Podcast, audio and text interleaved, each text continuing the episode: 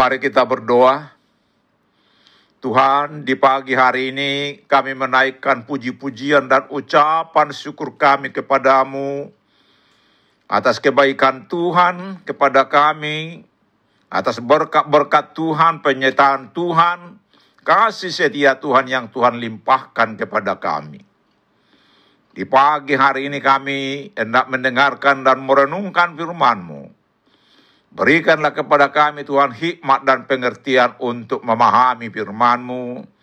Dan tolong kami untuk melakukan firman-Mu dalam kehidupan kami. Dalam nama Tuhan Yesus kami berdoa. Amin.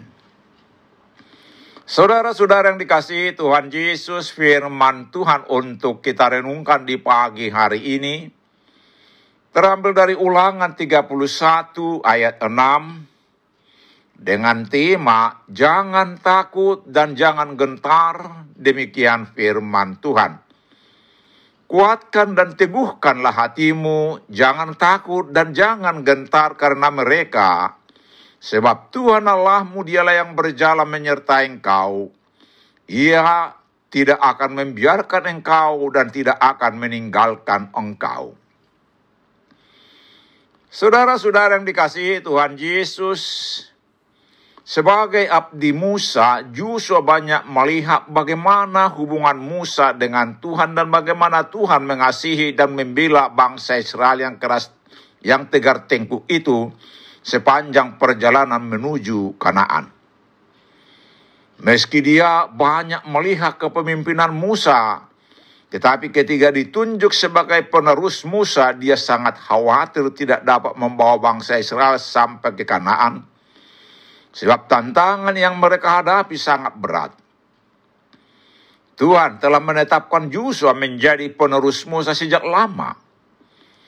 Tuhan tahu kekhawatiran Yusuf sebab itu Tuhan menguatkan Yusuf seperti yang tertulis dalam kitab Yusuf 1.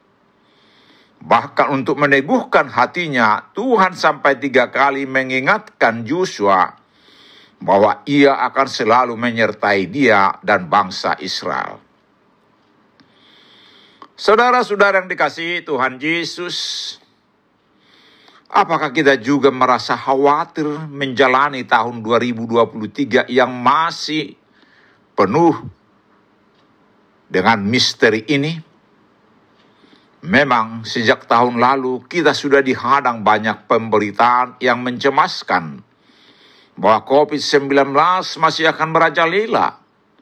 Akan terjadi kesulitan ekonomi di seluruh dunia termasuk di Indonesia. Cuaca ekstrim akan semakin tidak terduga dan sebagainya dan sebagainya. Banyak variabel yang tidak terduga muncul dan yang jadi tantangan di dalam menjalani hidup ini.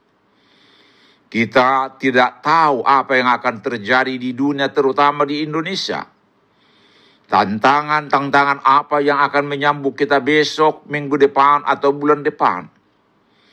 Apa yang harus kita lakukan? Jawabnya sederhana saja. Andalkan Tuhan. Karena hanya dengan cara ini kita dapat melangkah dengan pasti di dunia yang tidak pasti ini. Kuatkan dan teguhkan hati kita. Jangan takut dan jangan gentar, percayalah Tuhan akan selalu menyertai kita. Tuhan Allah akan berjalan menyertai kita. Dia tidak akan membiarkan kita sendirian dan dia tidak akan meninggalkan kita.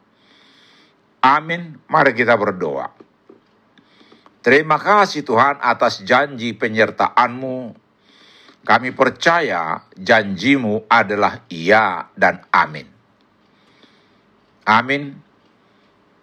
Selamat beraktivitas hari ini. Tuhan Yesus memberkati kita.